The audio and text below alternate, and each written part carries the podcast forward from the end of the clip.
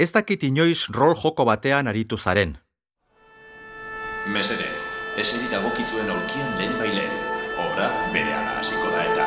Pertsonaietatik hasten da jolasa, nor zaren eta zer doain dituzun jakin behar duzu lehen da bizi. Historio hau ere antzera hasten da.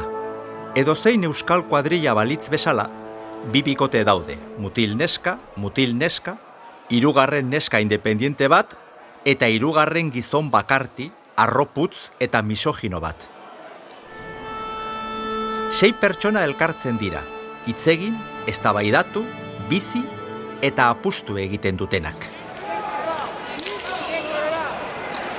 Jarrai dezaiogun topikoari, bal dago apustu egitea baino gauza euskaldunagorik, logikotzat hartzen dugu, normaltzat, gure futbol taldearen alde apostu egitea, gure pilotariaren alde edo garai batean gure hiri bikotearen edo gure herriko eskolariaren alde.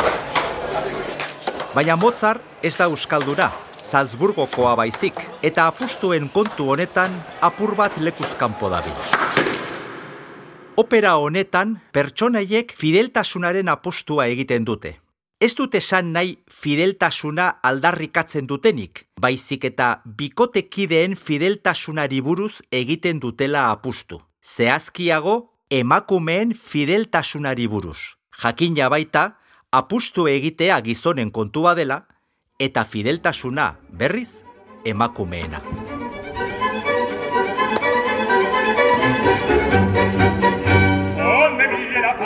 Guillermok eta Ferrandok, onela izena baitute bi gizagaixo hauek, beraien bikoteen fideltasunaren alde egingo dute apustu Alfontxo misoginoak zirikatuta gizon nagusiagoa berau, sinesgabea, esteptikoa eta diruduna. Zer diozu? Gustatzen zaizkizu mai gainean ipini ditugun pertsonaiak? Jolastuko dugu?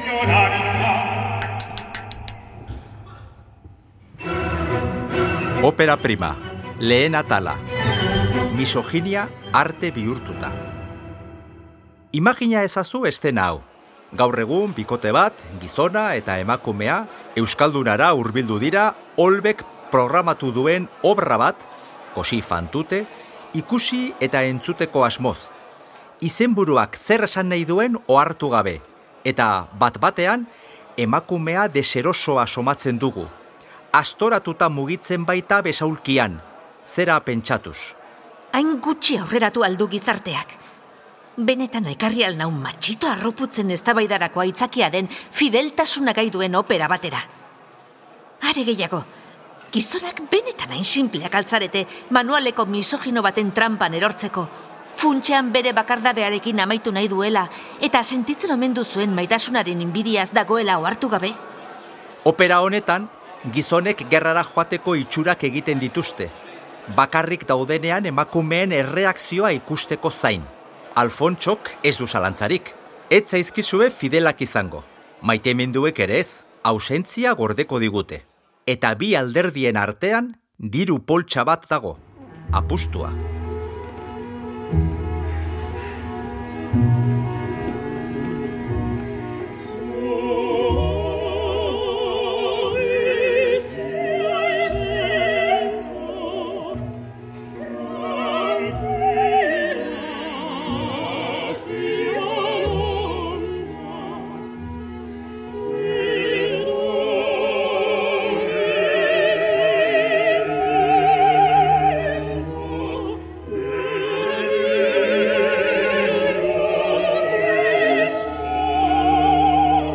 Alfontxok taldeko seigarren kidearen gan, emakume bakartiaren gan, beharrezko kolaboratzailea urkituko du. Emakumea, emakumeen aurka. Misoginiaren klasiko bat. Hori bai, guztia musika miresgarrerekin kontatua. Eta bestela, entzun dezagun nola erreakzionatzen duten maitaleek eta mesfidatiak ustezko soldaduen bidaiaren aurrean.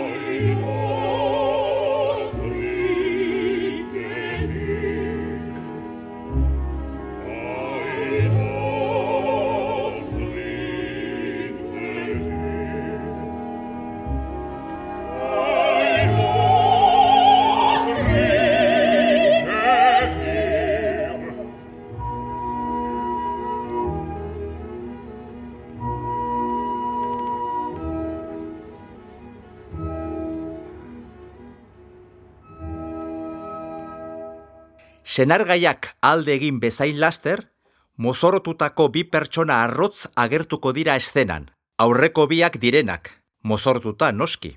Hau da, sinisten zaila den egoera bat, baino lizentzia artistiko gisa onartzen duguna. Eta harremanak gurutzatu egingo dira. Guglielmo Ferrandoren neskalagunaren gana hurbilduko da, eta alderantziz, modu horretan uneko harremanak arriskoan ipiniz. Hasiera batean, dena primeran joango da, ipuin ideal bat bailitzan, amaiera soriontsuko pelikula bat balitz bezala. Eta bakoitzak bere harremana defendatuko du, eta tentazioei uko egingo diete. Baina pentsatzekoa denez, laster iritsiko da korapiloa. Desoreka.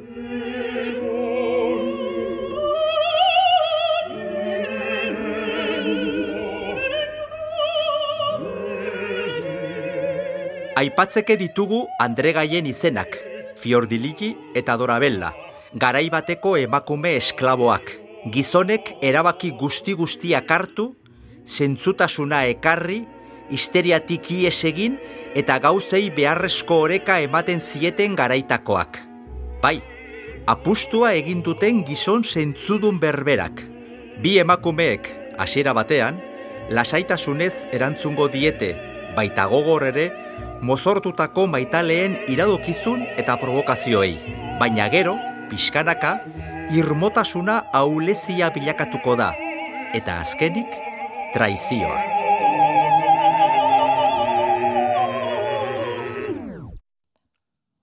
Benetan? Emakumen eromenaren alako apologia batera ekarri behar ninduzun?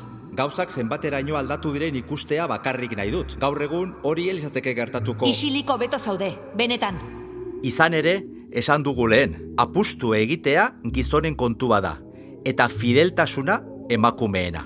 Ausentzia gordetzea eskatzen zaie Andrei, eta beharrezkoa bada, haien konbikzioen sendotasuna auzitan ipingi genezake. Eta orduan, zergatik harritzen dira gizonak bukaeran Andregaiak beste norbaitekin joatea. Schernito dal perfino cor dal Eta ezin dugu erantzun, emezortzigarren mendeko pentsamoldean kokatutako historiak ez baitu erantzunik. Eta gure bikoteak, gupida apur batekin begiratzen digu, batzuetan emezortzigarren mendetik ona evoluzionatu ez dugula esan nahi baligu bezala.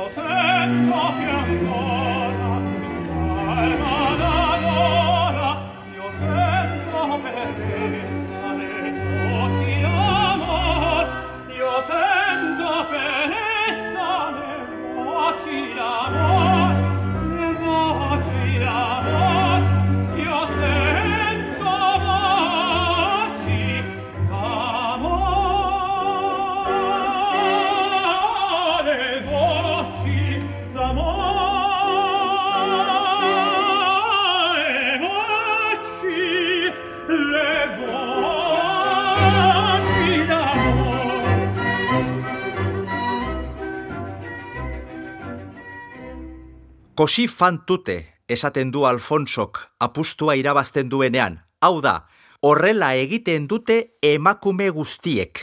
Izan ere, Mozart bere musikarekin eta Lorenzo da Ponte bere testuarekin ondorio berera iristen dira. Apustu egitea gizonen kontua da, eta emakumeei fideltasuna exigitu alzaie. Oiala erortzen ari da, eta hala ere istorioa ez dagoela itxita konturatuko gara.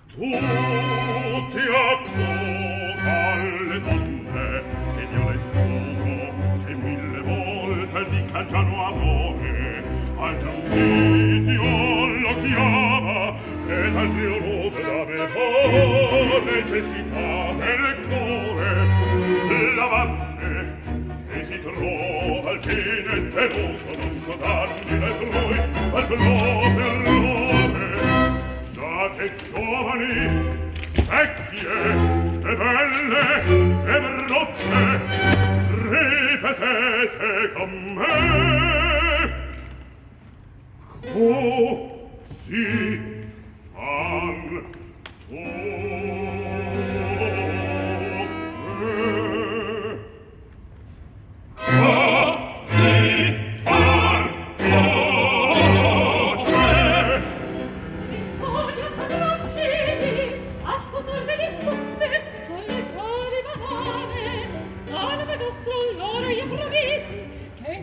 circa partiranno con voi l'ordine mi diede di trovare un nodoglio che stimoli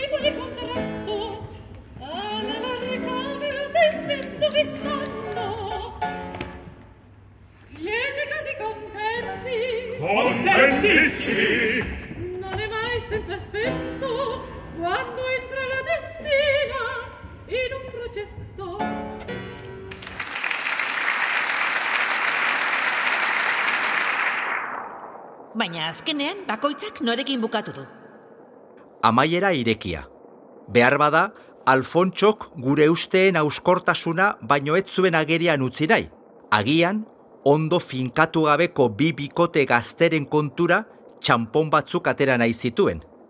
Behar bada, bere bizi esperientziaz baliatu nahi zuen, gazteenei lezio bat emateko. Edo agian, bere berezko misoginiaz baliatu nahi izan zuen, bere aurreiritzien egokitasuna erakusteko. Ausarta behar da gaur egunean horrelako obra bat entzuteko. Eta pentsatzen geratzen zara baietz, garaiak aldatu direla, defenda ezinak diren istorioak badaudela, gure begi eta belarriek ez dituztela jada onartzen, baina, ai ama, ah, zen musika mozartena.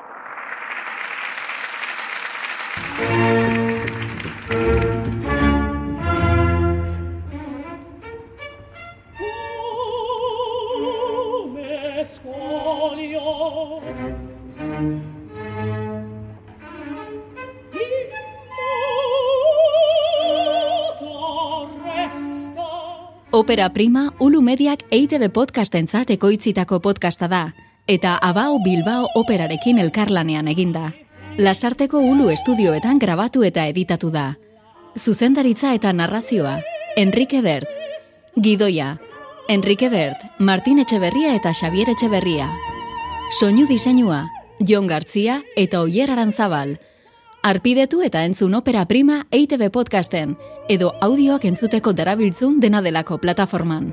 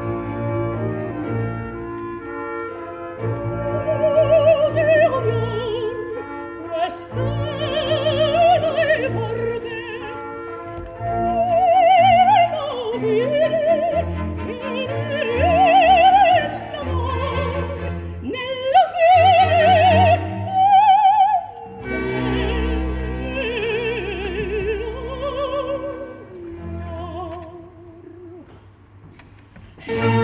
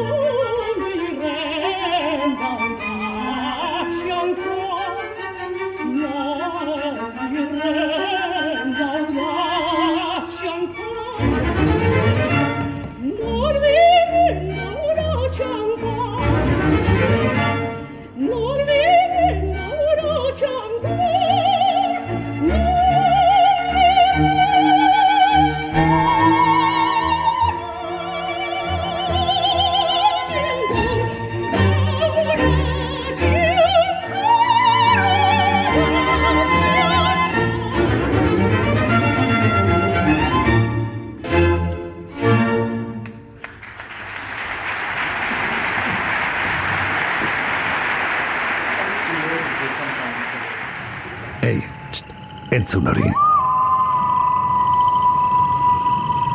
Ulu Media.